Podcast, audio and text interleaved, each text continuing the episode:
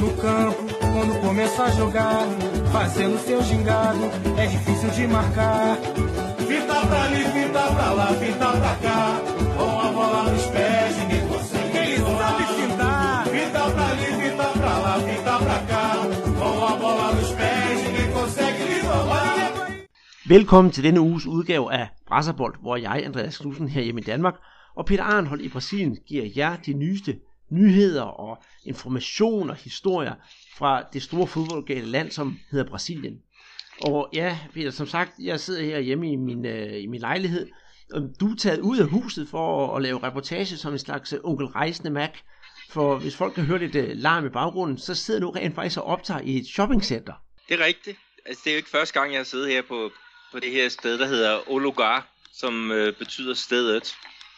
Men det var, det var, det var fint en gang med at, at komme lidt ud af, af huset og ja, få en kop, øh, kop kaffe og en, en guaraná. Og så sidde her med aviserne sådan spredt ud. Det, det, kører, det kører derud af. Jeg prøvede faktisk at optage en sådan lidt, en, hvad hedder sådan en walk and talk video på, øh, på vej hertil. Øh, det er jo ikke så meget eksotisk med et shoppingcenter, men øh, det var det var meget sjovt. Og jeg håber, at folk de har set den og, og synes, at vores øh, program er, er spændende. Ja, men altså, vi kan jo ikke komme udenom, at nu du siger eksotisk i shoppingcenter, men shoppingcentrene er jo en kæmpe, kæmpe stor del af brasilianernes hverdag, så, så hvorfor ikke? Men det er jo ikke shoppingcenter, det skal handle om. Det er jo klart den brasilianske fodbold. Og øh, i går, der sad du jo ikke og så Champions League fodbold, som, som jeg gjorde, men øh, du var til sådan noget øh, seminar, der også omhandlede fodbold, men på en lidt anden måde. Kan du ikke fortælle mig lidt mere om det? Jo, jeg har fået en, en indbydelse til ja, det er sådan øh, sportsmarketing øh, sådan folk, som, øh, som gerne vil netværke. Øh, godt, der var vi vel, jeg tror det er 20 på, på sådan en bar, der hedder øh, Itatiaia. Øh, det er så også navnet på en af de helt store radiostationer her i, i området. Men, men der var vi, ikke? Og, og vi fik set, præsenteret nogle, nogle ting, ikke? hvordan de, de, de bruger meget sådan nogle forskellige ting til at gøre opmærksom på, på klubberne. Og der var jo også øh, altså nogle, nogle fine øh, historier. Altså historien om, om Cruzeiro, hvordan de på kvindernes internationale kampdag, der brugte de faktisk øh, rygnummerne på, på spillertrøjerne til at gøre opmærksom på, på et problem, der er i forhold til, øh, ja, til, til kvinder og, og ja, for eksempel nummer 30, ikke, at, at kvinderne bliver, bet, øh, bliver betalt med 30% mindre end, end herrerne for at, at lave det samme arbejde. Der var også noget med, hvor mange øh, kvinder, der blev voldtaget øh, per dag øh, i, i Brasilien. Øh, og det, det var sådan en, en, en seance, som, som øh, skabte stor øh, opmærksomhed hernede. Og det er sådan, ideen, det er jo så, eller mottoet, det er, skal vi ikke prøve at ændre på de her numre?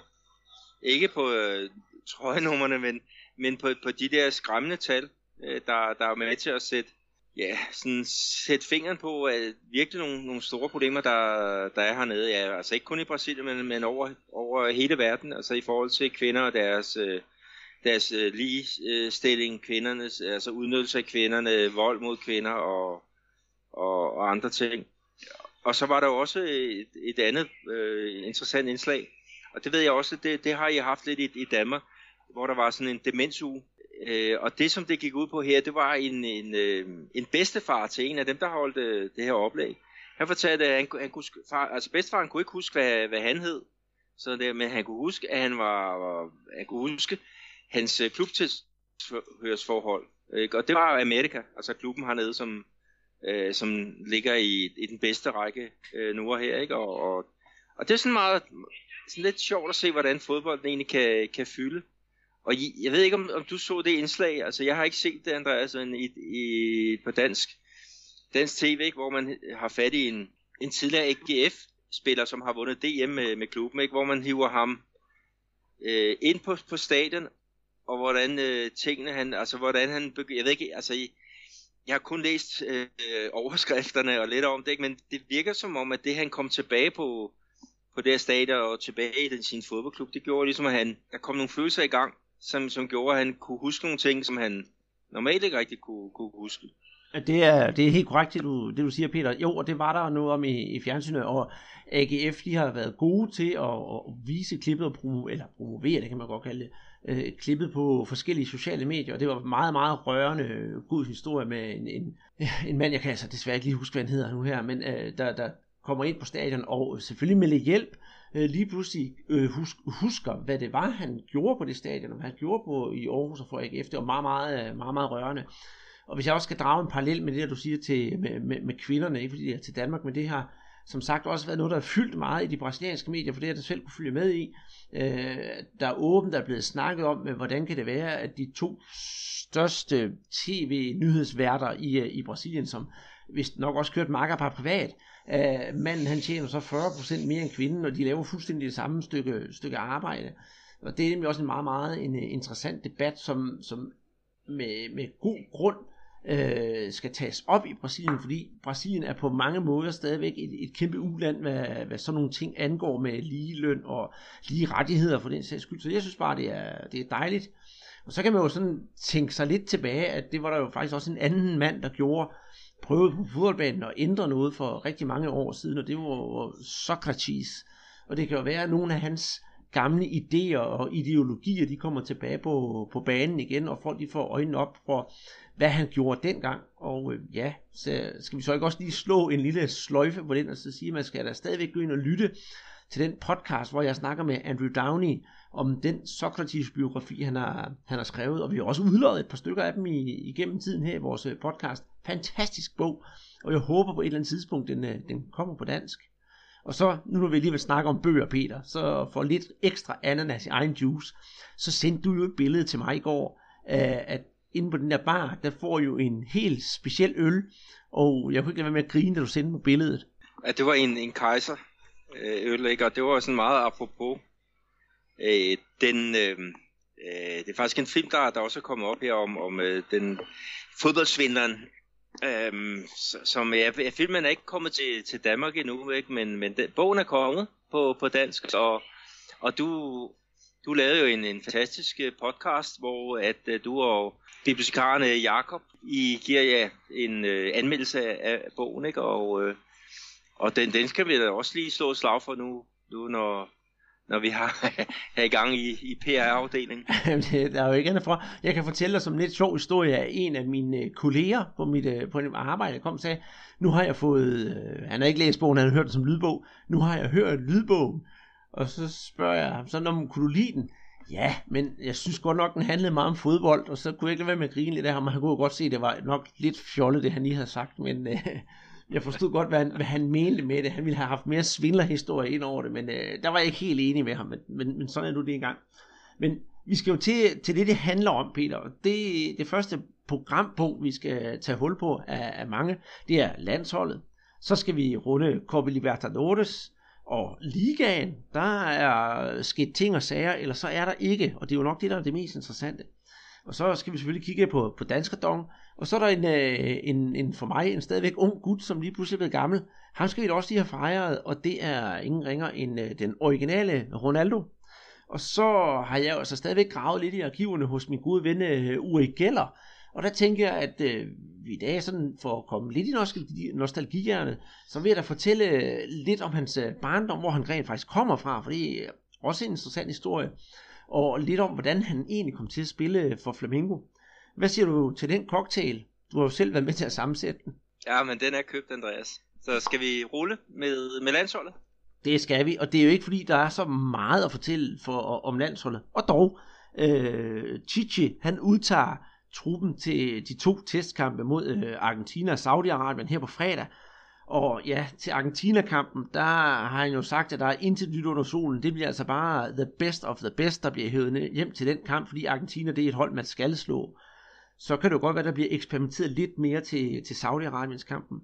Og hvad der angår landsholdet, så har jeg da den nyhed at fortælle. Jeg tweetede også lidt om det i går, at øh, Pedro, som vi har jo snakket om, Fluminenses øh, angriber, han øh, altså ude resten af året, den knæskade han fik, det, ja, kort før de der kampe i, øh, i USA, det har altså holdt ham ude, og øh, nu skulle det opereres, og det ser altså ud til, at han først er tilbage i år 2019.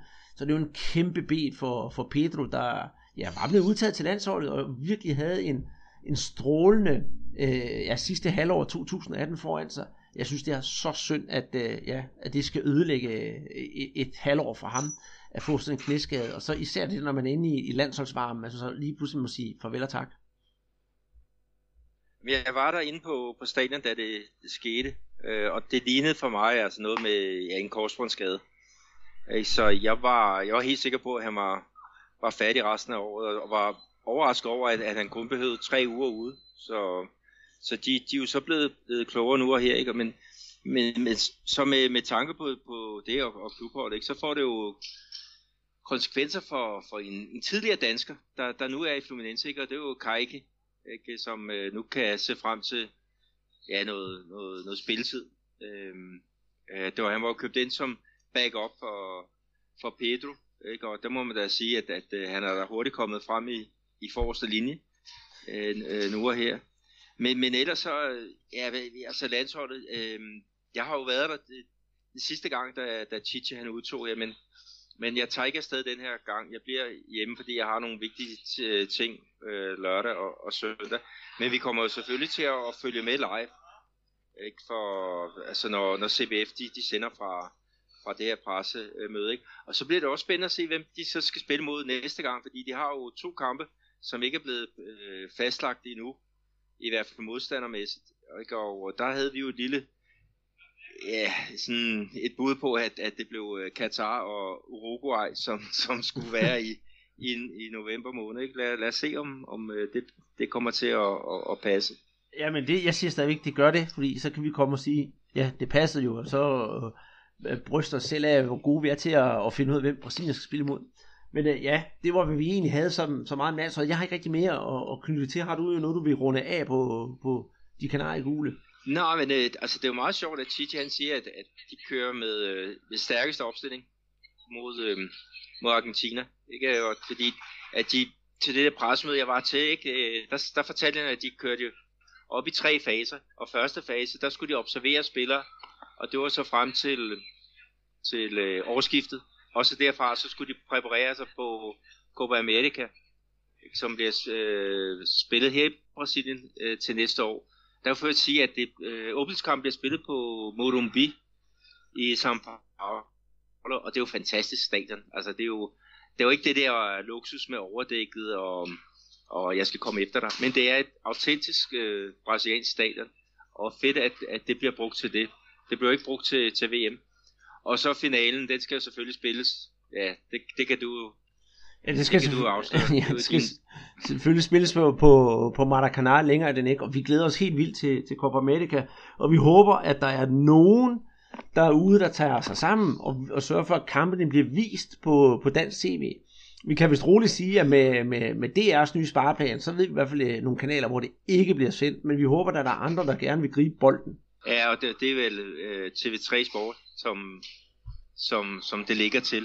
De, de har været gode til at, at transmittere øh, øh hvad hedder Brasiliens venskabskampe. Altså selv den her Brasilien øh, mod... Øh, ja, den sidste kamp Brasilien spillede, ikke? Der var de jo, der var de jo med. Ja, helt bestemt, og det blev det også med dansk kommentator på, så det var rigtig, rigtig dejligt.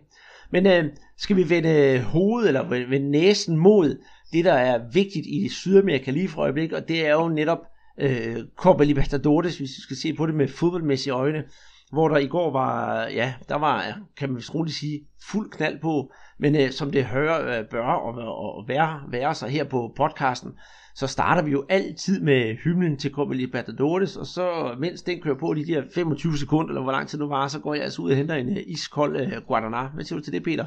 Så kan du også lige nå at få bestilt en, øh, en kaffe med, med sidevogn af Guaraná-størrelse. Ja, det, det, er en, det er en aftale.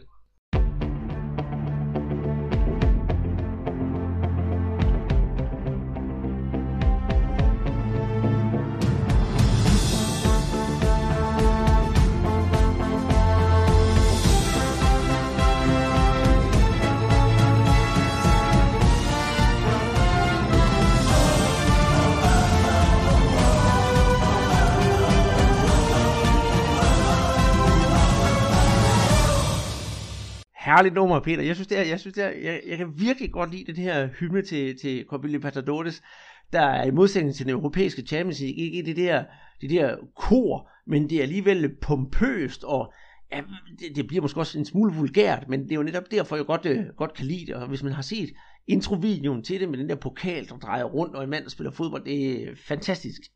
Og det var det for øvrigt også i går, hvor øh, vi havde jo et rigtigt Argentina-Brasiliens clash, og øhm, lad os sige det på, på den måde, Copa Libertadores, det er en utrolig speciel turnering, og hvad, hvad, hvad kan man sige, at, at øh, Champions League har måske kvalitet på banen, fordi de har klart bedre spillere, man har øh, nede i Sydamerika. Øh, det kan de altså ikke slå på lægterne i Europa. Der er, øh, i hvert fald øh, i Sydamerika, der, der har, er der noget helt andet intensitet og, og, og vildskab og galskab. Og i går, der var det jo Atletico Tucumán fra, eller i nat var det Atletico Tucumán fra Argentina, der mødte, mødte Gremio. Og ja, øh, skal jeg løfte sløret med det samme og sige, at øh, set med brasilianske briller, så var det rigtig, rigtig godt, fordi Gremio, de vinder en forholdsvis komfortabel, øh, komfortabel 2-0 sejr. Og det var altså også lidt af en bedrift, fordi så vidt jeg er orienteret, så har Atletico Tucumán, de har vist ikke tabt en hjemmekamp de sidste 6 måneder. Så alene det, så var det altså også en god øh, skalp at tage for, for, for Gremio. Gremio, de kommer foran øh, efter en halv time spil ved, ved Arlison, og så er Gremio faktisk også så heldig, at øh, Nunez i slutningen af første halvleg, han får et, øh, et rødt kort, der bliver begået et frispark, og så træder, jeg kan ikke huske, hvilken spiller det er, er det ikke Everton? Øh, du må rette mig, hvis jeg, hvis jeg er galt på det, Peter. Og det er Alisson. Eller var det Alisson? Han, øh, der er noget øh, takling, og så træder han ham. Træder han ovenpå ham. Og dommeren giver ham det gule kort, og lige pludselig så bliver der sådan lidt, lidt polemik, og så går han hen og kigger på tv-skærmen og konsulterer var, og så trækker han det, så går han op og peger på det gule kort igen, trækker på det ned i lommen, og så trækker han det røde kort frem. Øh, der har selvfølgelig været en diskussion bagefter, Ej, var der rødt kort, eller var der ikke rødt kort? For en gang skyld, der synes jeg, at det var en god beslutning, og det var, han, var, han var ikke i tvivl om, da han først så det der på var, og når man ser det langsomme gengivelse, fortjener nok rødt. Og så var det jo altså sådan lidt, øh, lidt op ad bakke for, for argentinerne. Og ja, 10 minutter ind i anden halvleg, der scorer øh, Everton, han scorer til, til 2-0, og så er den kamp jo næsten lukket ned. Det var faktisk sådan, at Grem jo godt kunne have lukket og slukket endnu mere til, til 3-0 ved, ja, faktisk Everton igen, men øh, det skete jo ikke. Men et rigtig, rigtig godt udgangspunkt for Gremio og Renato Bortaluppi. Og ved du hvad, Peter? Jeg begynder mere og mere at tro på, at, at Gremio de godt kan, kan hive den her hjem, og så skulle de jo så gøre det to år i træk. Det ville simpelthen være en fantastisk bedrift. Ja, det var meget overbevisende. Altså, de var selvfølgelig presset i, i både de første 20 minutter i, i den her kamp, ikke? og der var jo hvad det, 30.000 på, på lægterne, og når man ser billederne derfra, ikke, så kunne man virkelig fornemme, hvad det var for en heksekæde, som, øh, som øh, Øh, Renato Gauchos mandskab, de var, var ude for. Og, men, men altså ja, det første mål, det var jo også et, et, et, øh, et, et indstuderet et mål, ikke? Det var et frispark på en banehalvdel, ikke? hvor Jerome han sparker den op i, i feltet, ikke? hvor uh, Cicero kommer øverst, højst sidder det vel, og hætter den på tværs, og så dukker Arleson uh, op og, og, og first timer den ind, ikke? Altså det var jo, det var suverænt godt, og så det andet mål, det var så Arleson, ikke? Som egentlig ikke har været starter i rigtig mange kampe, men altså her, der, der viste han virkelig, øh, hvor dygtig en spiller han, han er. Han bryder igennem med, med fart på, på højre siden, og så spiller han hårdt flat ind med bagerste stolpe, hvor, øh, hvor Everton øh, dukker op. Jeg kan øh, sige, at, at øh, Renato Gaucho, han valgte også, også øh, at stille op uden en rigtig angriber, central angriber. Ikke? Øh, han, han valgte at lade Luang spille den der falske nier, og det gjorde så, at de, der kom de der gennembrud på, på kanterne, i hvert fald med, ved, det, ved, ved mål nummer to. Ikke? Så det var også et, en, en ting, der lykkedes fra, fra, fra hans hånd. Altså, de kan godt gå hen og, og vinde den her øh, turnering øh, igen. Altså, nu har han været i spidsen i Renato Gaucho siden september øh, 2016, ikke? og de har fået fire titler.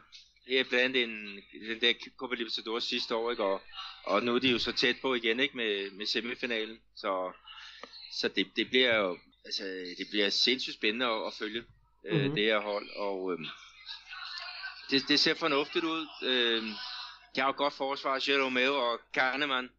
Kahneman blev lige udtaget til det argentinske landshold her i sidste ombæring, og, og Jeromeo var ved det brasilianske her i ved VM.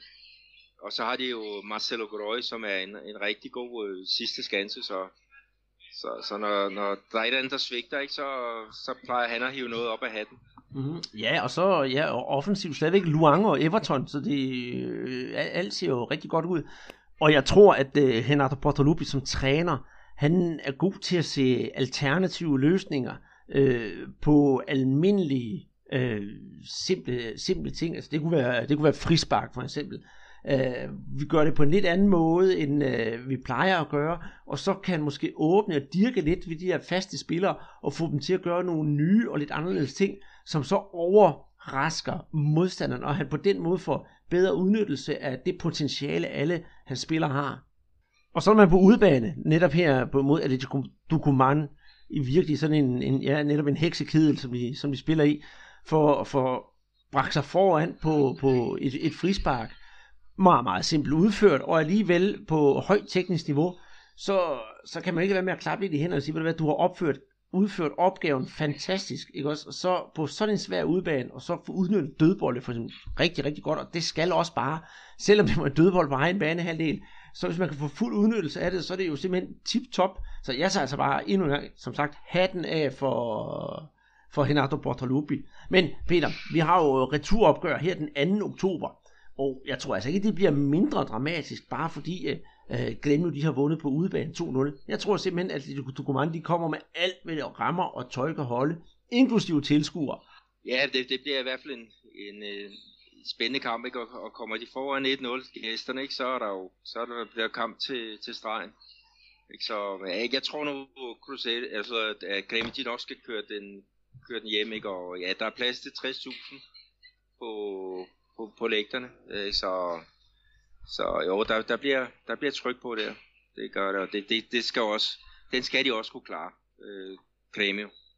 Nemlig, og ved du hvad jeg håber på, Peter? Det er, at øh, du i aften, for du skal garanteret sidde og se, se de øh, Copa Libertadores kampe, der kommer i aften, har fundet skuffejerne frem, fordi der skal vi vel forhåbentlig have luet ud i nogle af de argentinske hold, undskyld Jonas Schwartz, men øh, sådan er det nu i gang. Øh, Independente, de møder River Plate, så der er jo også noget der, der en af dem vil i hvert fald trække det, det, det korte strå. Og så har vi Boca Juniors mod Cruzeiro. Det bliver altså noget af brav, den glæder jeg mig faktisk til at se. Og så er der Colo Colo mod øh, Palmeiras også, så altså tre arktiske hold i, i kamp, og så to brasilianske og chilensk. Det kan da ikke blive mere spændende. Og med det, så er det vist... Hvad? Nej, vi skal lige have med, Andreas, Colo Colo mod Palmeiras, det er så torsdag torsdag, hvad hedder det, nat, natten til, til fredag bliver det dansk øh, tid. Så, så hvis der er nogle muligheder, hvis man øh, kan være længe op, ikke, så, så stream den øh, kamp. Det er faktisk meget spændende at se, hvad Palmeiras de har gang i nu her under um, Felipe Scolari. Ja, for de har jo ikke tabt en kamp under Scolari endnu. Det er jo faktisk ret en, øh, en ret interessant betragtning. Og ja, apropos Scolari og, og, og, og Palmeiras, det kommer vi altså til her om øh, to minutter. Skal vi ikke lige have en, øh, en skyller med en øh, sodavand, og så slutte Copa Libertadores af, og så kigge på den brasilianske liga, hvor der, som jeg sagde, både er sket ting og sager, og så er der ikke sket noget som helst alligevel. Jo, lad os, øh, lad os få noget koldt til, til ganen. Med noget af skyllet i halsen, så er vi klar til at snakke om den brasilianske liga. Og ved du hvad jeg synes, vi skal tage hul på allerførst, Peter? Øh, nej, hvad?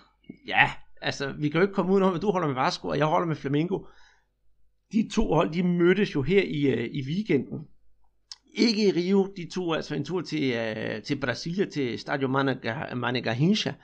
Og øh, det er der altså sket nogle gange før, hvor man flytter kampene ud af staten, af staten Rio, så folk de kan få lov til at, altså dem der ikke bor i, i Rio, kan få lov til at se, øh, ja, skal vi kalde det, klubfodbold mellem i hvert fald Flamengo, som har det største antal fans i Brasilien, og Vasco, som også har et stort antal fans.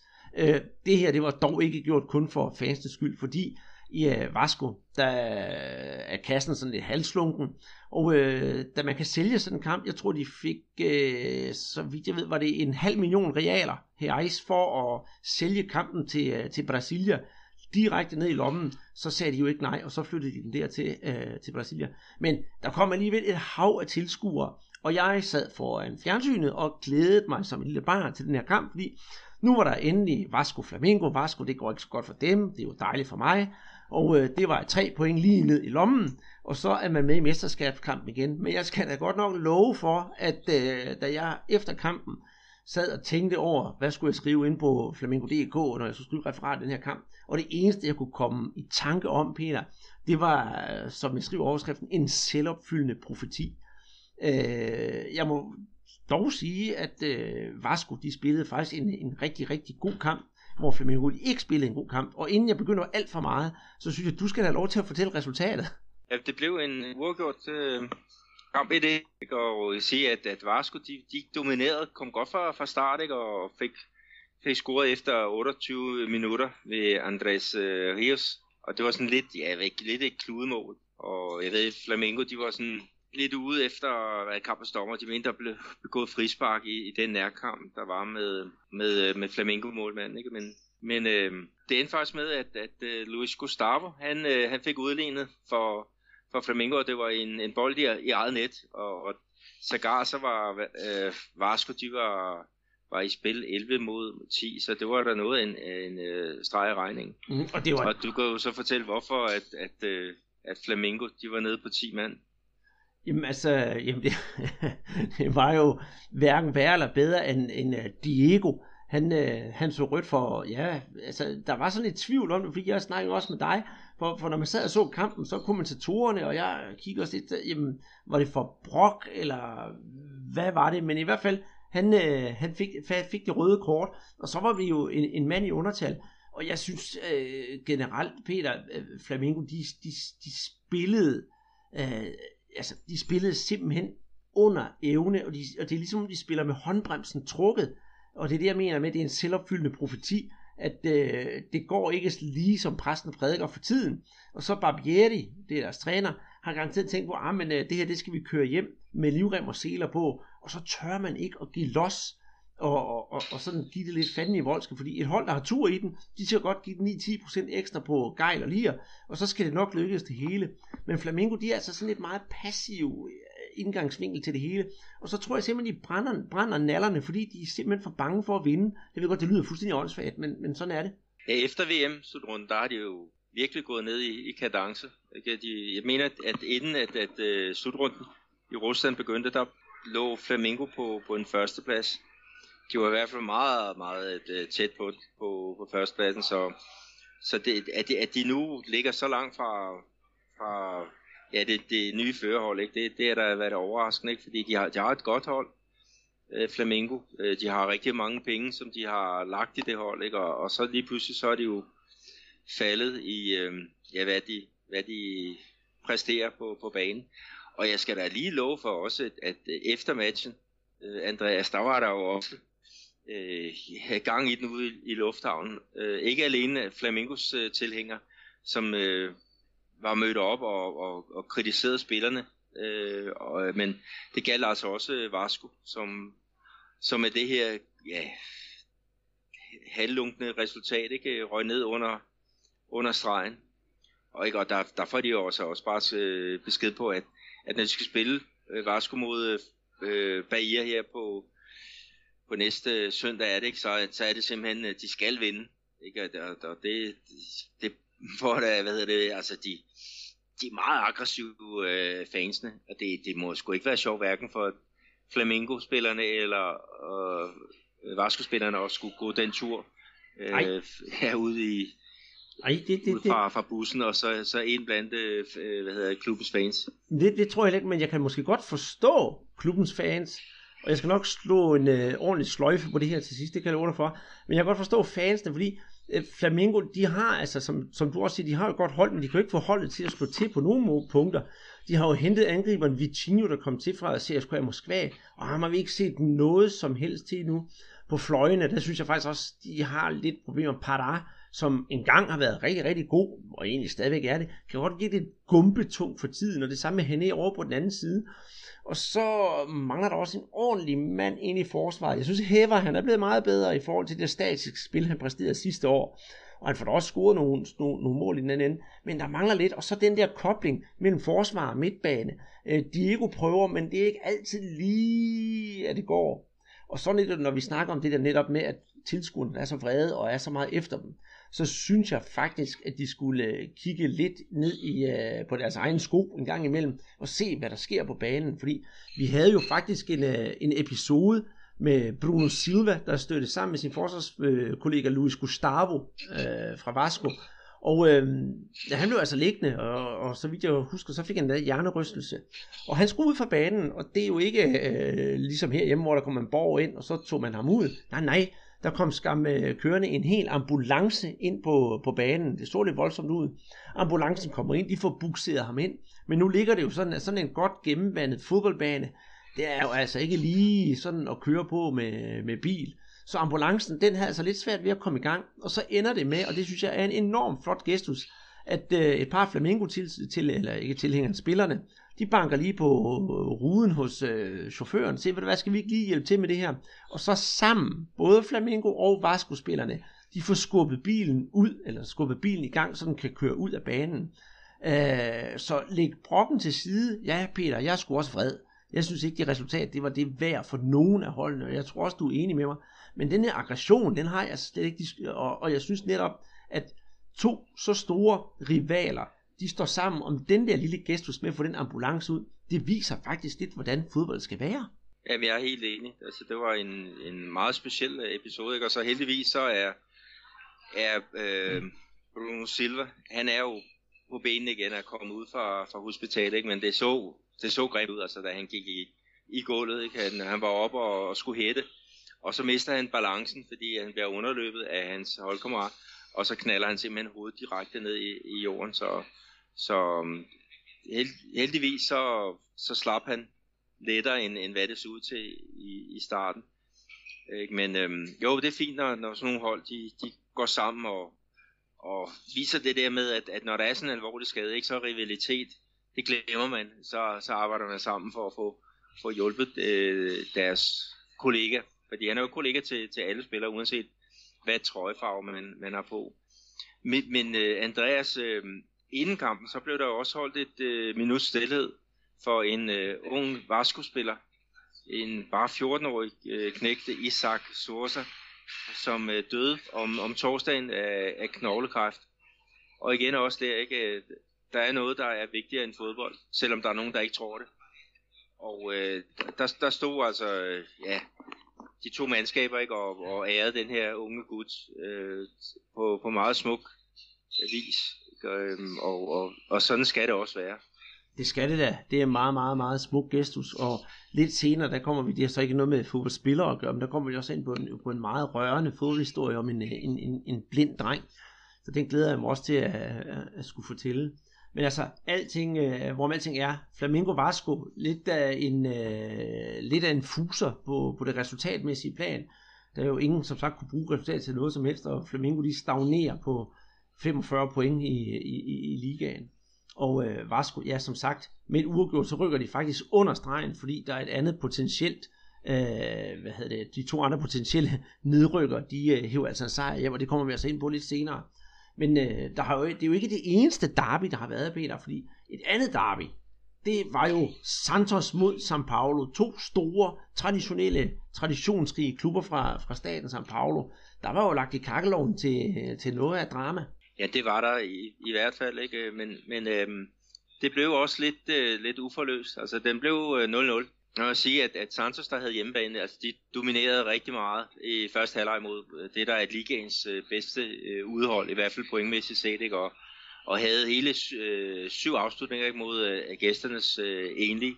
Øh, anden halvleg, der, der bliver det sådan lidt mere udjævnet, ikke? Og, og Udrygo, øh, angrebstalent, ikke, som skal til, til Real Madrid øh, her til, til næste år. Ikke? Han er altså helt alene igennem med, med keeperen med et kvarter igen, ikke? men han får lige øh, overplaceret sit, øh, sit spark, og øh, ja, bolden ryger så ikke i, i kassen.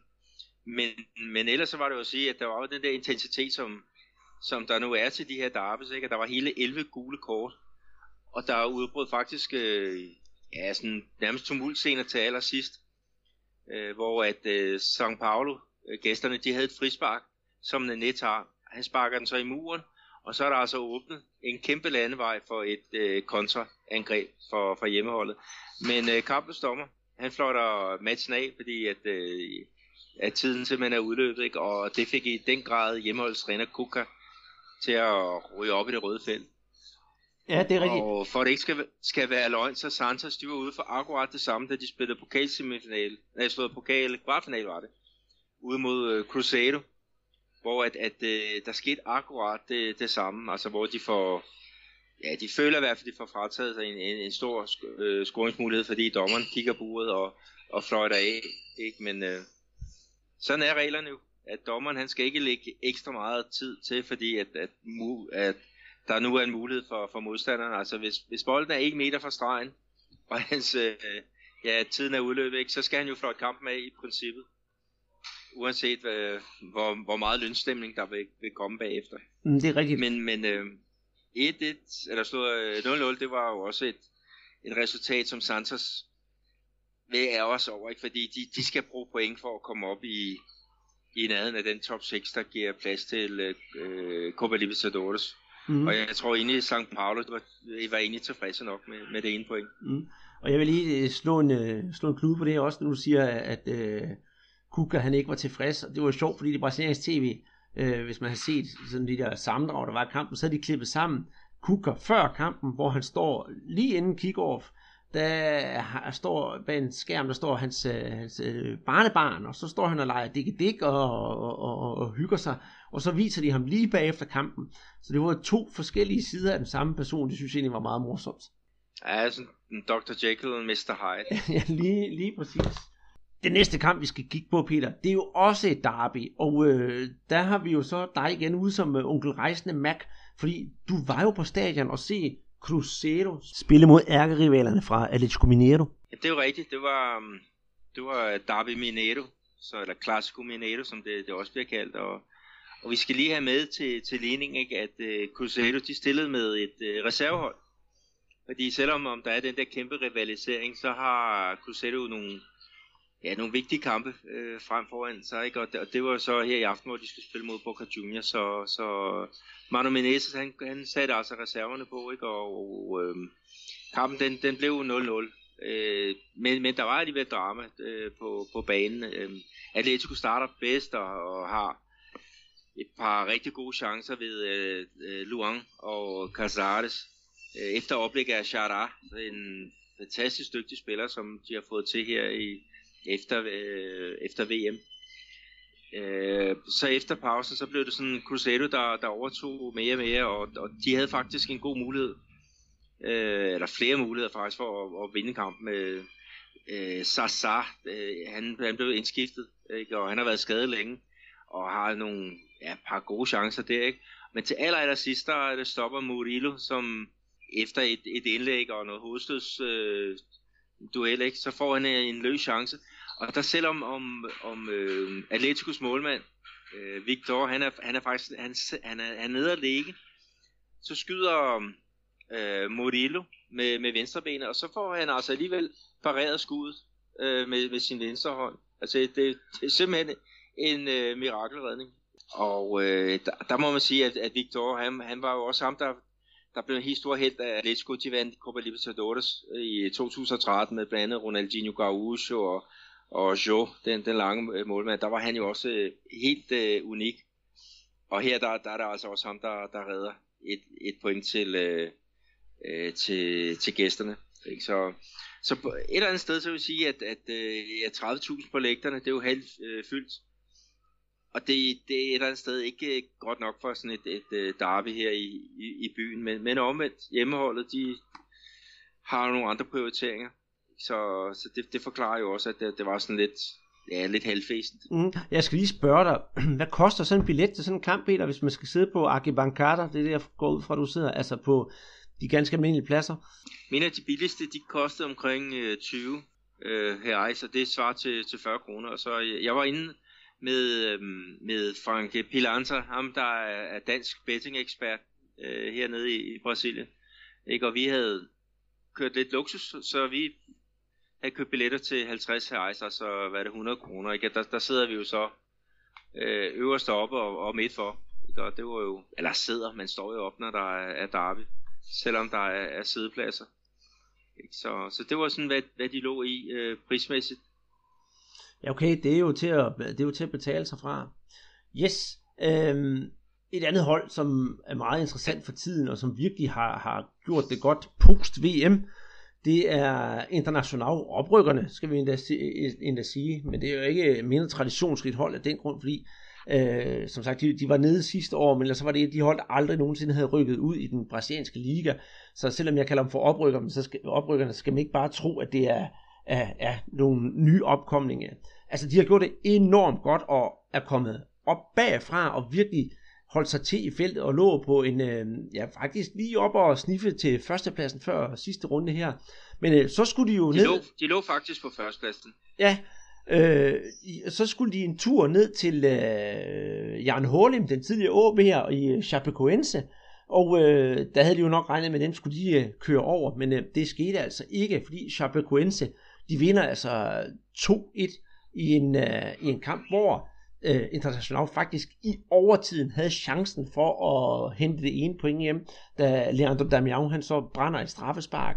En øh, virkelig stor bed for, for International, der virkelig kunne have sådan trods i, i karakter kommet ja, endnu længere foran São Paulo. Men øh, ja, et øh, 2-1 nederlag, og vi fik jo hul ind på banen. Ja, han kom øh, på banen med et kvarter igen øh, ved stilling øh, 1-1.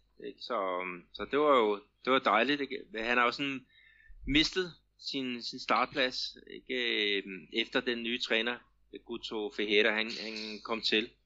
Men øh, han bliver sådan puttet ind sådan i, i ny og næ, ikke? men, men det, det, har været, det har været hårdt for ham øh, med, med en ny mand ved, ved roret. Men vi kan så sige også, Andreas, at match, matchvinderen, det var Leandro Pejeda. Han scorede faktisk øh, på, på straffespark øh, kort før, før tid, og det var så inden, at, at Inter fik deres straffespark. Og det var også ham, der scorede det, det første mål.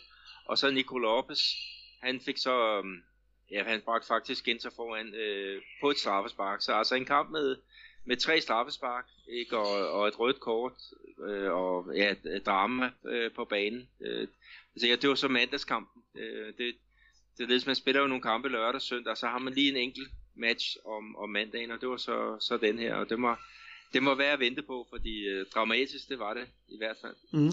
Og lidt sjovt, ikke også, fordi øh, alle de andre kampe var spillet, og International, de havde nærmest dækket et helt bord op foran, så hvor de bare kunne se, hvad det var, den her førsteplads, den kan vi lige konsolidere os på, men øh, sådan skulle det ikke være, og det er det, jeg mener i optakten til det her, at øh, ja, der skete ingenting, og så skete der alligevel helt vildt meget.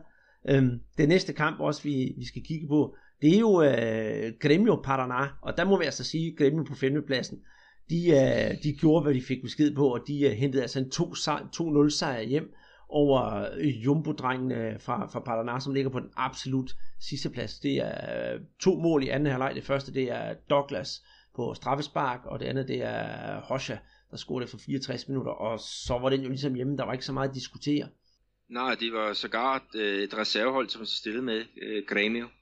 Så det viser jo også lidt om, hvad, hvad de har at, at rykke med på, på reservebænken. Ja, helt bestemt, og det kommer så af, at de selvfølgelig skulle spille den her Copa Libertadores kamp, vi snakkede om her tidligere i, øh, i øh, podcasten. Serra, Peter, det er jo altså også et hold, vi sådan har, har, har holdt lidt øje med. Øh, dels øh, holder jeg øje med det lidt på sidelinjen, fordi med vores fælles ven Bechara, han er jo en stor Serra-fan, og han håber på, at de ikke ryger ud af ligaen. Men øh, det har jo ligget sådan lidt i korten, at, at det var et kort visit i den bedste række. Men øh, her må vi jo så sige, at øh, det kan godt være, at man skal til at, at se dem lidt fra en anden vinkel, fordi de sidste fire kampe, der har de altså vundet tre og spillet en uafgjort. Det er altså noget af en, øh, en bedrift. Øh, tror du, det er den såkaldte Lisca-effekt, der spiller ind oppe i det nordøstlige Brasilien? Ja, det, i hvert fald så, da han kom til, der havde holdet jo ikke vundet en eneste sejr i, i, øh, i Serie A. Ikke? Og, og, og Liska, han var jo træner i Serie A tilbage i 2015, og, og der var de jo faktisk på vej mod øh, CSC, altså den tredje bedste række. Og der fik han så lavet, ja, fik, fik vendt uh, skuden, ikke? Og, og, og fans, de, de har jo en, en sang om ham, ikke? hvor de fortæller, hvordan han redde Serie A ud af hospice. Så um, det, det er han så ved at gentage her. Altså det, det er virkelig øh, imponerende. Men vi, vi havde faktisk også en, en, en, en sjov episode, Andreas, og det var jo ved, ved målet, øh, som Samuel Xavier, han, han, øh, han scorer, fordi at, øh, hvordan var det, han fejrede det? Ja, den scoring. Jamen, lidt, lidt, lidt, uh, lidt alternativ. Uh, jeg elsker alternative målfejringer, og han er træk et gul kort på den, men skidt nu med det. Uh, han løber simpelthen ud til sidelinjen, og så, hvad hedder det, ser der deres maskot, det er sådan en gammelfar, det kan vi godt kalde ham. Og så går han ud, og hiver han simpelthen hovedet af gammelfar, og så tager det på selv. Øh, ret morsomt. Jeg, jeg ved ikke, hvorfor jeg lige tænker på den der anden, øh, jeg kan ikke også huske, om det også var i Brasilien, hvor der var sådan en bil, der var udstillet, hvor der så løber en mand, han der skulle løbe ind og sætter sig i bilen, lader som om man kører i den. Men, men ja, jeg, altså sådan en fest, øh, fejring, den er altså festlig. At man trækker et gult kort, ja okay, så skidt da. Men i det mindste tog han da ikke trøjen af samtidig med, så det var blevet til rød. Nej, nej. Men altså, vi, altså øh, Liska, deres træner, han blev kaldt for Liska Doido, altså den tossede øh, Liska, ikke? Og det der, øh, den målfejring, det var lige efter øh, hans smag. Men han, jeg tror nok også, han vil være lidt bitter, hvis det er således, at de til en, en vigtig kamp må, må undvære øh, Samuel Xavier på, på grund af for mange gule kort. Men øh, sådan er det, hvor der handles, der spilles. Men, men sjov var det i hvert fald. Det er rigtigt. Og øh, når vi nu er i det, det sjove hjørne, eller det, det snakkehjørne, hvis vi skal kalde det, så skal vi rykke videre til, til Paumeters øh, kampen. De spillede 1-1 mod øh, Bahia, ikke øh, så meget diskussion om det, udover at øh, vi når, ah, det skal vi alligevel diskutere lidt, Peter, fordi Felipe Melo, han var med, han, ham skal vi jo altid have lige have, have, have snakket lidt om. Men i kampen før, der, det var så spillet et par kampe, øh, siden vi har snakket sidst, der øh, var der nogle store scener fra øh, Parameters hjemmebane, at der var nogen, der havde filmet en kvinde, der sidder og øh, fortæller om, hvad der sker på banen foran sin blinde søn. Og øh, det blev der altså gravet lidt mere i, og det synes jeg faktisk også er lidt, øh, en rigtig, rigtig god historie, som jeg synes, I, I herude skal, skal vide.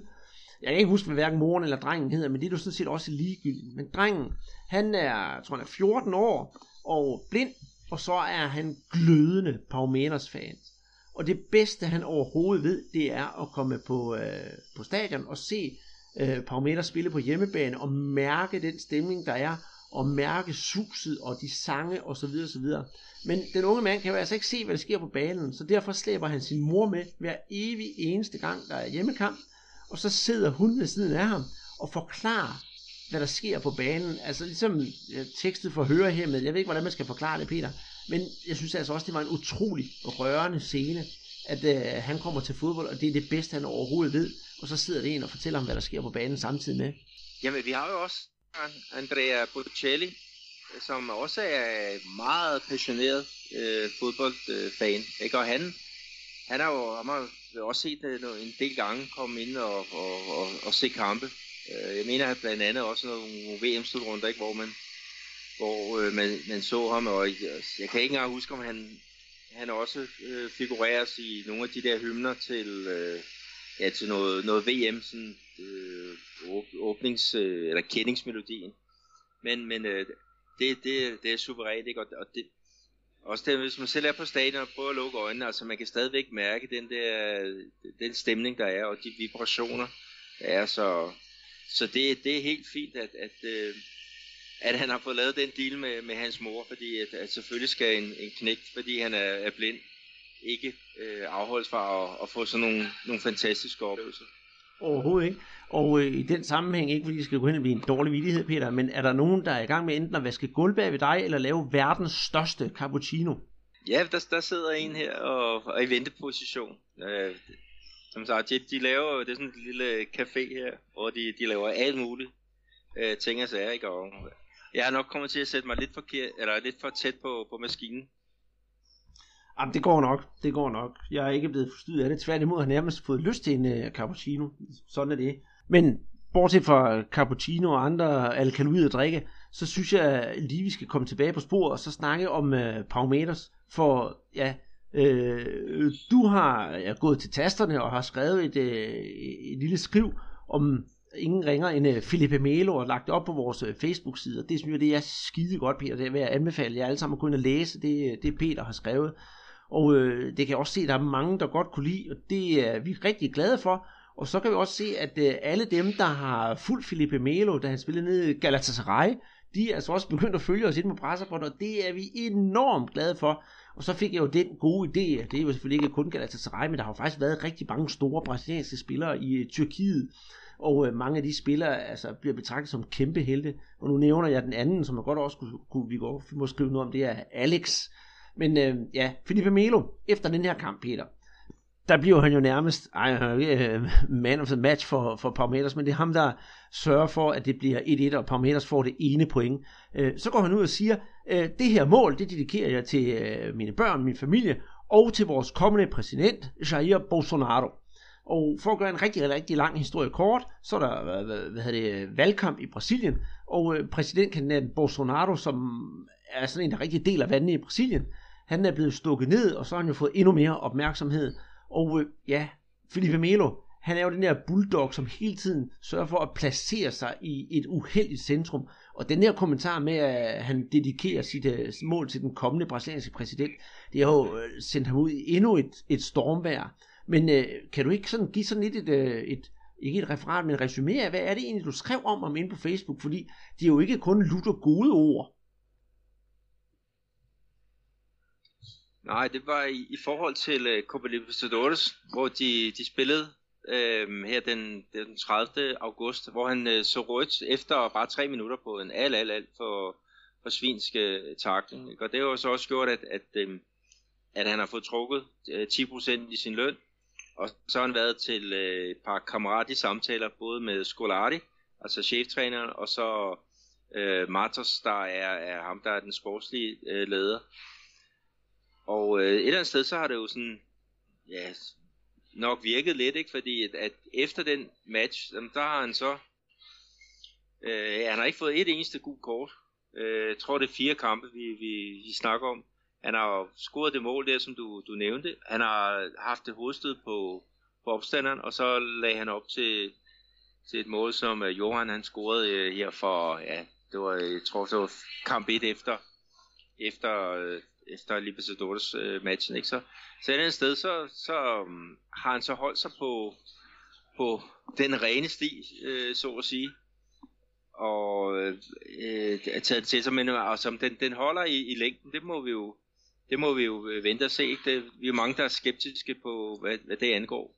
Mm-hmm. Men øh, han, han virker lidt mere, altså Skolaj har jeg også sagt, altså han skal koncentrere sig om at, at spille fodbold, og så skal han droppe alle de der, øhm, ja, alt, alt det der andet øh, udenom, ikke? Og, og jeg tror heller ikke den der øh, præsidentkommentar, det, det er en, der er faldet i, i god jord i, i, i klubben. Um, fordi selvom han, han holder med, med uh, Bolsonaro i, i, i den her valgkamp, så, så er det ikke noget, man, man render rundt og, og, og skal, skal bruge de her, i hvert fald ikke den der øh, grønne palmettestrøg til at og, og, og, og lave valgkamp.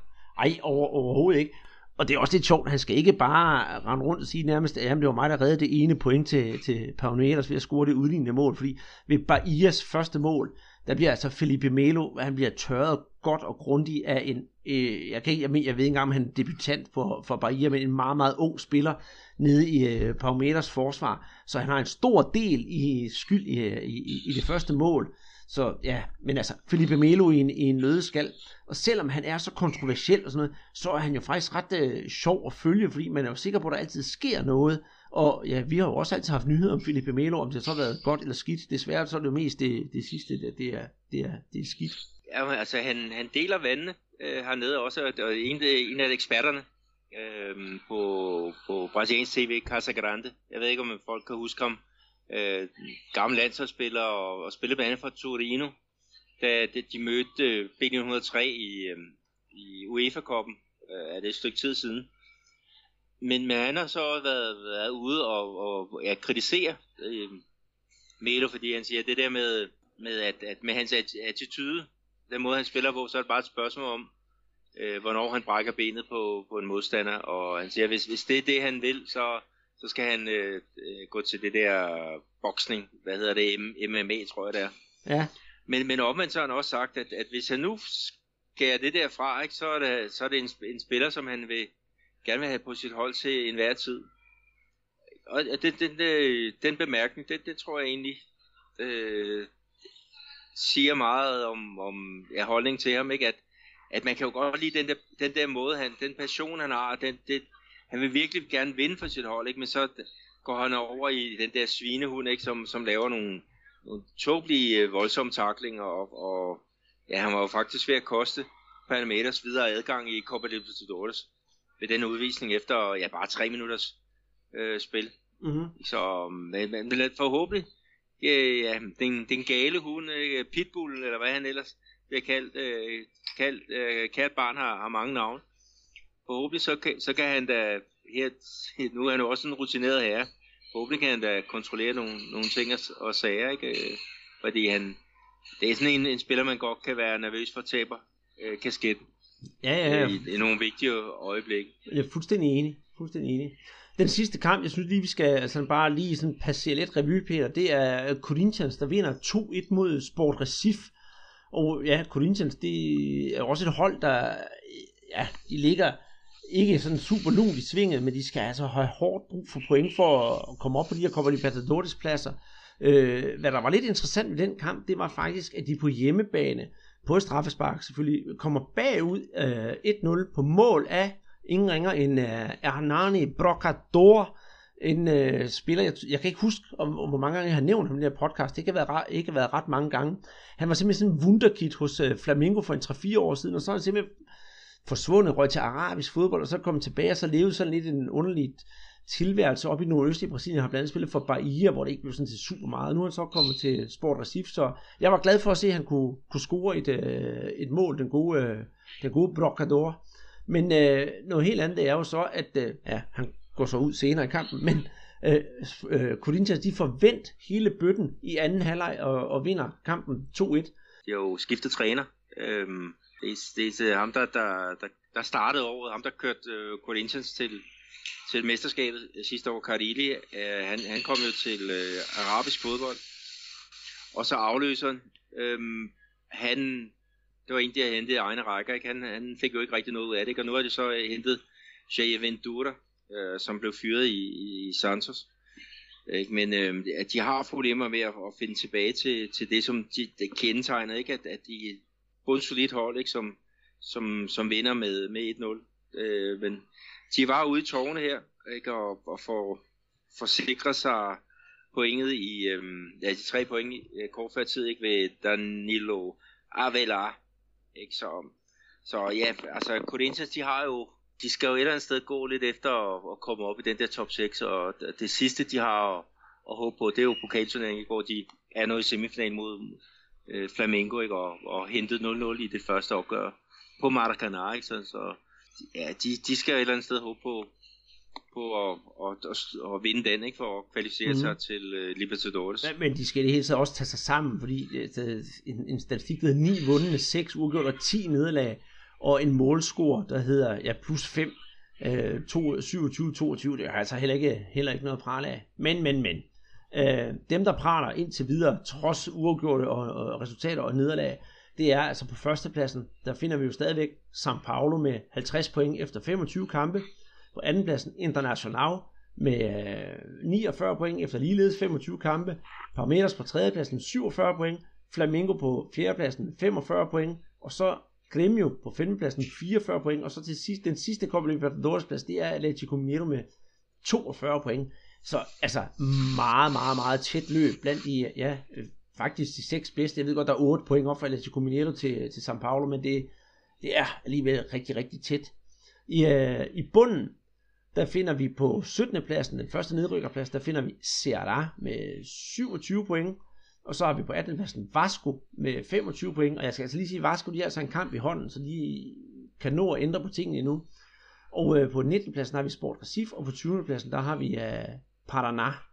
Og øh, den kamp, jeg snakker om med Vasco, det er Vasco og, og Santos, der på et eller andet givet tidspunkt skal spille en kamp mod hinanden. Jeg ved ikke, er der blevet fastsat en dato, Peter? Jeg kan huske, der var noget under VM, og så blev det aflyst, og så er den udsat igen, den kamp. Nej, jeg, jeg ved faktisk ikke, hvornår den skal, skal spilles, men øh, vi må vente og se, der er jo, hvad det, der er jo ikke nogen af dem, der skal spille hvad hedder det, sydamerikanske turneringer, så det bliver jo en anden onsdag, øh, hvor der også er, er pokalfodbold eller øh, Libertadores. Højst sandsynligt, men altså vi ser i hvert fald frem til, hvornår kampen bliver spillet, for det er sådan lidt et, øh, et, et, et mysterie. Øh, målscorer eller topscorer, Peter, det skal vi jo ikke øh, komme udenom, og der finder vi jo på førstepladsen Gabi Go, eller Gabi Barbosa fra Santos, med hele 12 kasser.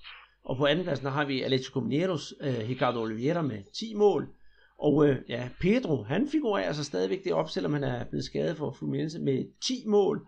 Og så har vi Roger Guedes med, på, på fjerdepladsen med 9 mål. Og Pablo fra Atletico Paranaense med 9 mål. Og så ja, skal vi lige have Nene og Diego Sosa, begge to med med 8 mål. Vi kan lige tage med, at, at Pablo fra Atletico Paranaense, han scorede faktisk i, i uh, klubbens 3 sejr over Fluminense. Ikke? Så, så han er, han er stadigvæk øh, varm, ikke? og Atletico Paranaense, de, de kom tilbage på sporet med, med den her øh, sejr. De, de havde ligget i, til nedrykning i, i en del runder faktisk. Og så fik de lige pludselig en serie på, jeg tror det var fem kampe øh, uden nederlag. Og, og så røg de så ind i, jeg tror det var to kampe med, med ja, uden nogen som helst point, ikke? og så, så fik de jo så ind i sejren nu, nu er her, ikke? men, men øh, det bliver spændende at følge det hold der, og, og Pablo er faktisk en af de bedste angriber, som jeg ser det i Brasilien. I hvert fald den brasilianske liga lige for tiden. Mm-hmm. Men øh, er det så også ham, du skal kigge på i den kommende runde? Ja, altså det er jo et, en, som i hvert fald jeg holder meget øje med, øh, Pablo. Og øh, jeg, jeg, kan ikke huske, at jeg skal spille mod i, i næste, næste runde. Jeg vil spille Derby hjemme mod, øh, mod Paranak. Øh, øh, så det er jo sådan et derby i Curitiba. Paraná er jo ikke specielt godt kørende, så, så må ikke vi få et Pablo-mål eller, eller to. jo, det, det skulle man da mene. Men øh, ved du hvad, hvis jeg skal se noget, så skal jeg altså se et, øh, et, et det er ikke et derby, og det er jo så alligevel, fordi vi snakkede jo lidt om det i sidste, sidste uge, da jeg snakkede om Uri Geller, fordi der er jo netop øh, Flamingo Atletico Mineiro, og det skal nok blive ondt på den ene eller på den anden måde.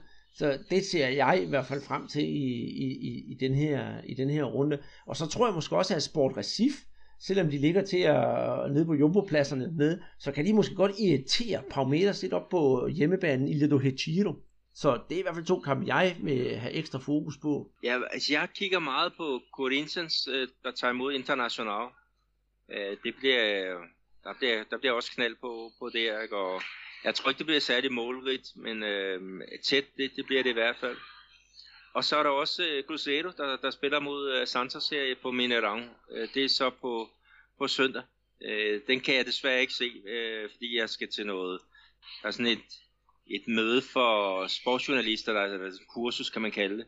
Så, så det, det skal jeg bruge mit, mit krudt på der.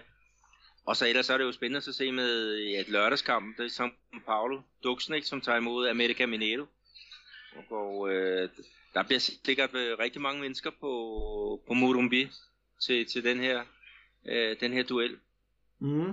Men, øh, men udover de her Serie A-kampe, Peter, så ved jeg også, at du har et skarpt øje med øh, et, hold, der spiller i, i CSC, nemlig Operario. For der finder vi jo ingen ringer end den tidligere Brøndby-angriber Bruno Badata.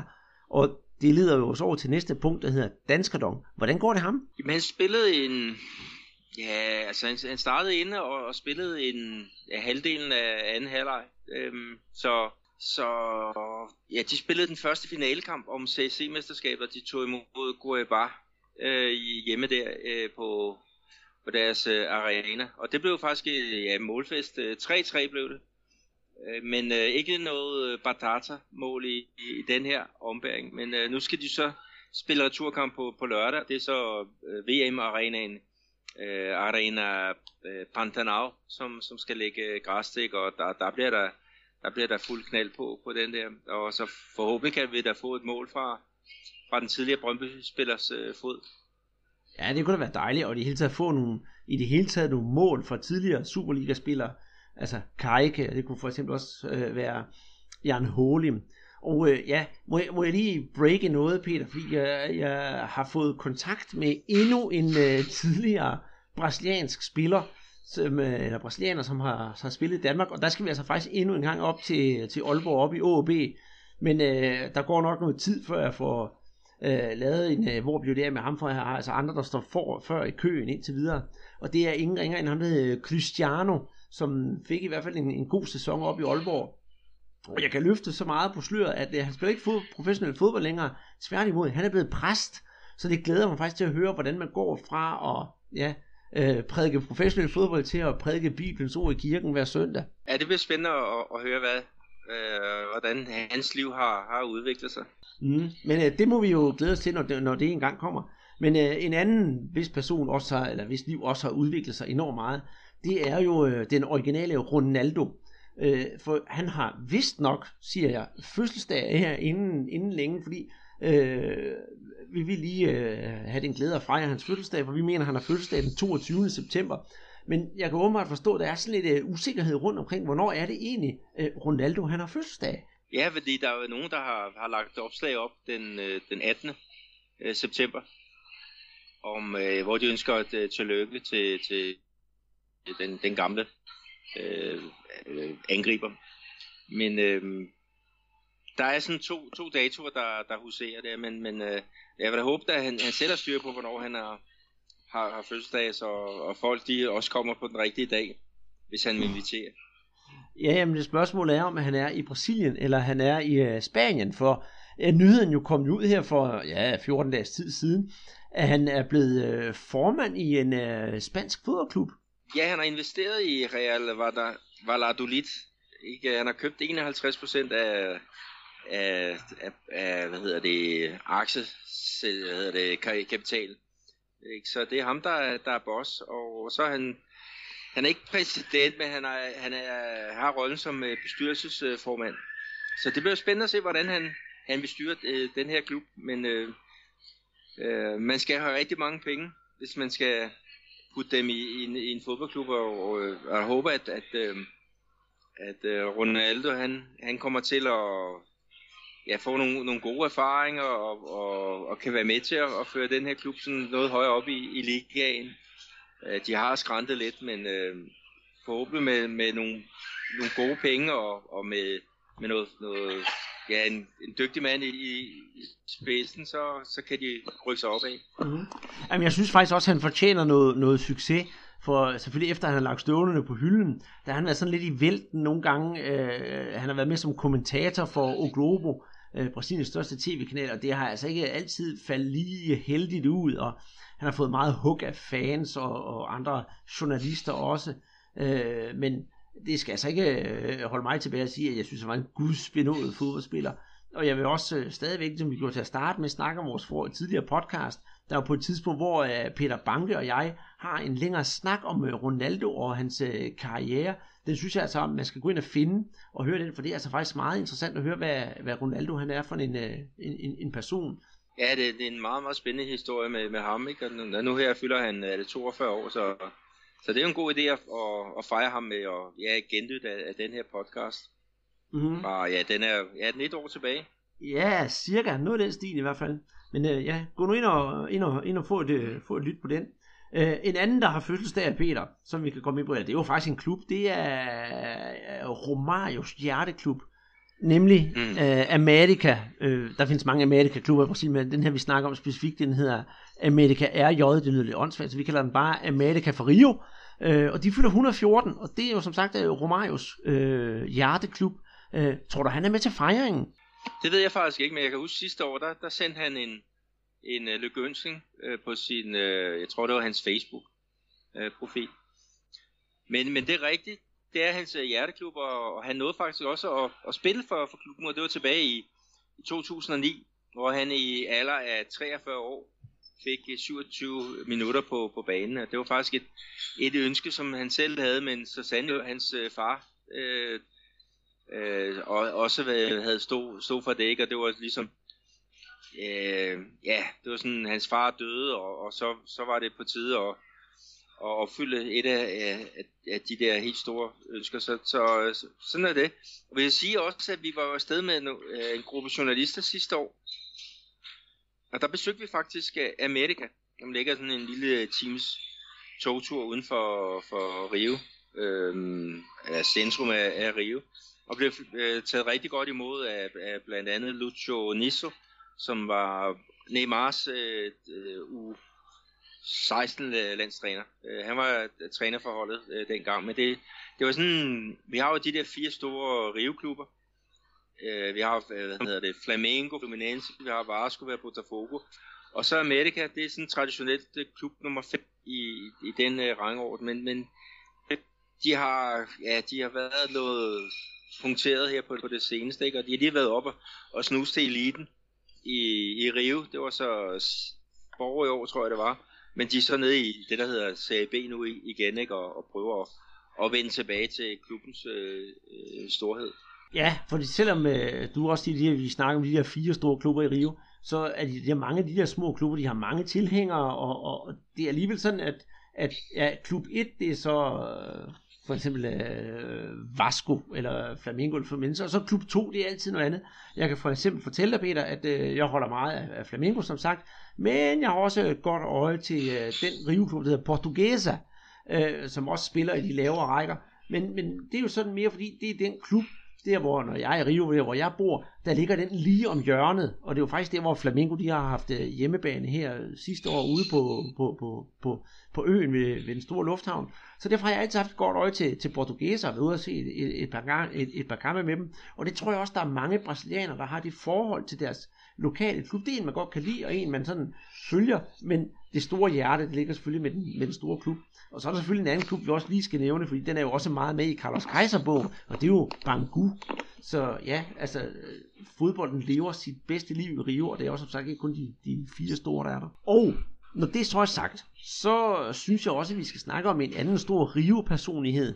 Og jeg tænker, at det ikke øh, bliver på tid til, at vi skal runde af, og det gør vi jo med øh, det tema måske, vi har for tiden med, med en, øh, en, en legende for brasiliansk fodbold, nemlig uh, Uri Geller. Så jeg ved ikke, om du er klar til dagens Uri Geller-historie, Peter? Jo, jeg, jeg glæder mig. Du er jo altid god til at overraske øh, med, med gode historier om, om manden med det, ja, det, det skruede spark. Ja, og, og de finurlige driblinger. Ja, øh, og, der, og her der, det, der kommer vi faktisk ind på, hvorfor, øh, hvorfor han dribler, og hvorfor han er så god en, øh, en, en dribler. Og det var faktisk noget, jeg egentlig ikke vidste om, øh, om, om Udi, men altså, man får nogle gode guldkorn ud af ham, når man, øh, når man snakker med ham. Øh, oprindeligt så er Udi, han har altså boet i Slumkvarter og blev født øh, i Slumkvarter, der ligger i, øh, i, i den sydlige del af Rio, faktisk øh, på, på det altså fine, lidt prominente strøg, der hedder Le Blanc, der er jo også en strand der, og det er jo inde i et halvfint kvarter i det sydlige Rio, men der boede han altså i et, øh, i, i et slumkvarter, og i et lille bitte hus, hvor de boede 18 mennesker. Det var øh, hans mor og alle morens søskende og bedsteforældrene, de boede der. Og øh, Udi, han øh, fik hurtigt en god legekammerat, Adilio, og det er jo altså ham, de synger om i vores, øh, vores introsang, og derfor har ja, de er stadigvæk super pals i dag, og holder virkelig godt sammen. Og øh, de fik jo tiden til at gå med øh, at spille bold nede på stranden på, på, på Le Blanc.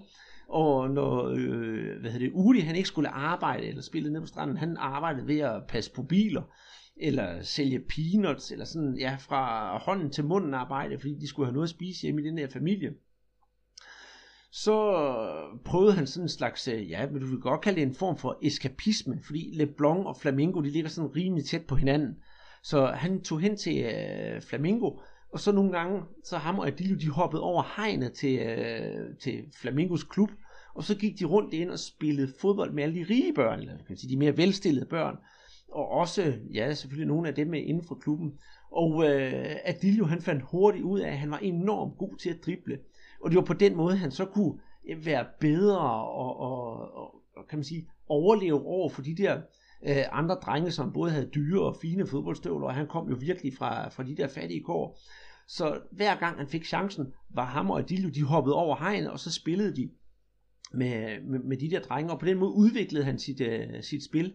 Og øh, som han siger, jeg driblede mig simpelthen ud af kummerligheden og, og fattigdommen, fordi der var selvfølgelig folk, der lagde mærke til ham. Og lige pludselig så kom han jo ind i noget juniorafdeling, men han blev ved med at selvfølgelig leve i det der slumkvarter og prøve at få, få, få tingene til at gå.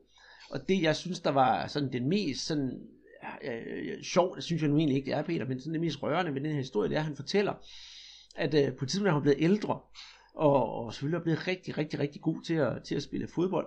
Så gik han, øh, købte en billet til Maracanã, og så købte de øh, de billigste billetter, for det var, hvad han havde råd til. Han havde simpelthen råd til andet så købte de billigste billetter, og så hoppede de over hegnet, så de kunne sidde på enten camarote eller arquibancada.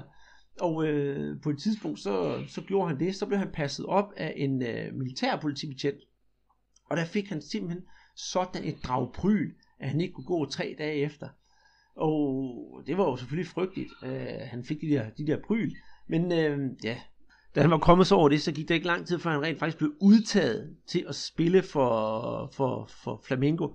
Og i hans øh, første kamp, officielle kamp for Flamengo, der kommer han ind på stadion, og der skal han spille, og øh, der ser han faktisk selv samme øh, betjent stå derinde med sin, øh, sin hund. Og øh, der går Udi Geller hen til ham i sit øh, flamingosrøm og klar til at spille, og så siger han til øh, ham der betjenten, åh, oh, senor, posso falar contigo? Altså, herre, må jeg snakke med dem? Og så siger han til betjenten, genkender du mig? Og så siger betjenten, nej, det gør jeg ikke. Nej, siger Uhe så, når jeg er en lille fattig dreng fra slummen, der prøver at snyde sig ind til fodboldkamp, så kan du godt give mig et ordentligt drag bry, men når jeg spiller med nummer 11 for Flamengo, så vil du ikke kende svimmer. Så sagde jeg, så vend Uwe Gellers om, og så vendte han sig, ja, vendte ryggen til betjenten og spillede en fodboldkamp. Jeg synes, det er en øh, lidt sørgelig, men også på en måde meget rørende historie. Og øh, man kan, når man hører Uwe fortælle den historie, han er virkelig øh, rørt af det, og, og, og føler sig, jamen, han føler sig ikke trådt på eller noget som helst, men, men det er ikke altid lige gode minder, han har haft med i tasken fra da han var barn. Ej, det, det er en barsk opvækst, som, som han har, har haft, og, og det der med, at, at hvis du er en dreng fra, fra slummen, øh, så, så har man jo ikke rigtig nogen, nogen rettigheder. Altså politiet, de, de går, går hårdt til, til værks. Øh, og øh, ja, det, det har Geller så øh, mærke på, på egen krop.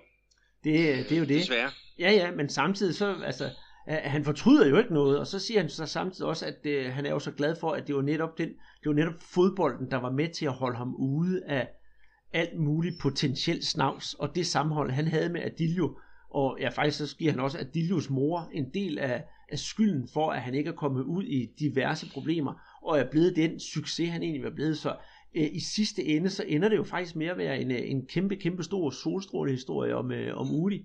Ja, det, det er helt sikkert. Mm-hmm. At det, det er jo vigtigt, at man får de der, kommer ind i de rigtige sammenhæng og får nogle gode rollemodeller og folk, der, der tager sig af en. Mm-hmm. Ikke, øh, sådan man ikke rener i gangstermiljøet. Præcis. Og til næste øh, udgave af, af Uli Geller nyt, hvis vi skal kalde det, så skal jeg nok se, om jeg kan få fat på en af de lidt mere festlige historier, for dem er der altså også rigtig, rigtig mange af. Og med det, så lukker vi jo så podcast ned for, for denne her gang. For jeg skal være ærlig at sige, at tiden er så fremskreden her onsdag aften, at jeg skal ind og se Champions League. Øh, det skal jeg selvfølgelig ikke kunne gå glip af. Jeg skal se, hvad Marcelo han kan gøre for, for Real Madrid i aften. Men øh, husk at gå ind på iTunes, eller hvor jeg abonnerer på den, og, og hente vores podcast ned, og så især også ind på iTunes. Gå ind og giv os nogle stjerner derinde, så vi kommer, flere frem i, kommer frem i flere søgninger, og det er der flere, der kommer til at høre vores øh, podcast. I må enormt gerne skrive ind til os om alle mulige emner, der vidrører brasiliansk fodbold. Og vi har da også fået nogle, øh, nogle kommentarer i ny og næ, som vi prøver at tage op, og det synes jeg, det er rigtig, rigtig sjovt, når I kommer med specifikke ting, vi, øh, vi skal ud og undersøge. For jeg kan i hvert fald personligt godt lide sådan lidt der detektivarbejde. Det er jeg rigtig glad for. Og øh, ja, øh, husk også vores Facebook-side og vores øh, Twitter-profil, hvor der i hvert fald kommer daglige nyheder. Den skal man, jo, man skal man jo heller ikke gå glip af. Og med det siger jeg, Andreas Knudsen og Peter Arnhold nede i Brasilien. Tusind tak for i aften, og vi ses igen forhåbentlig i næste uge.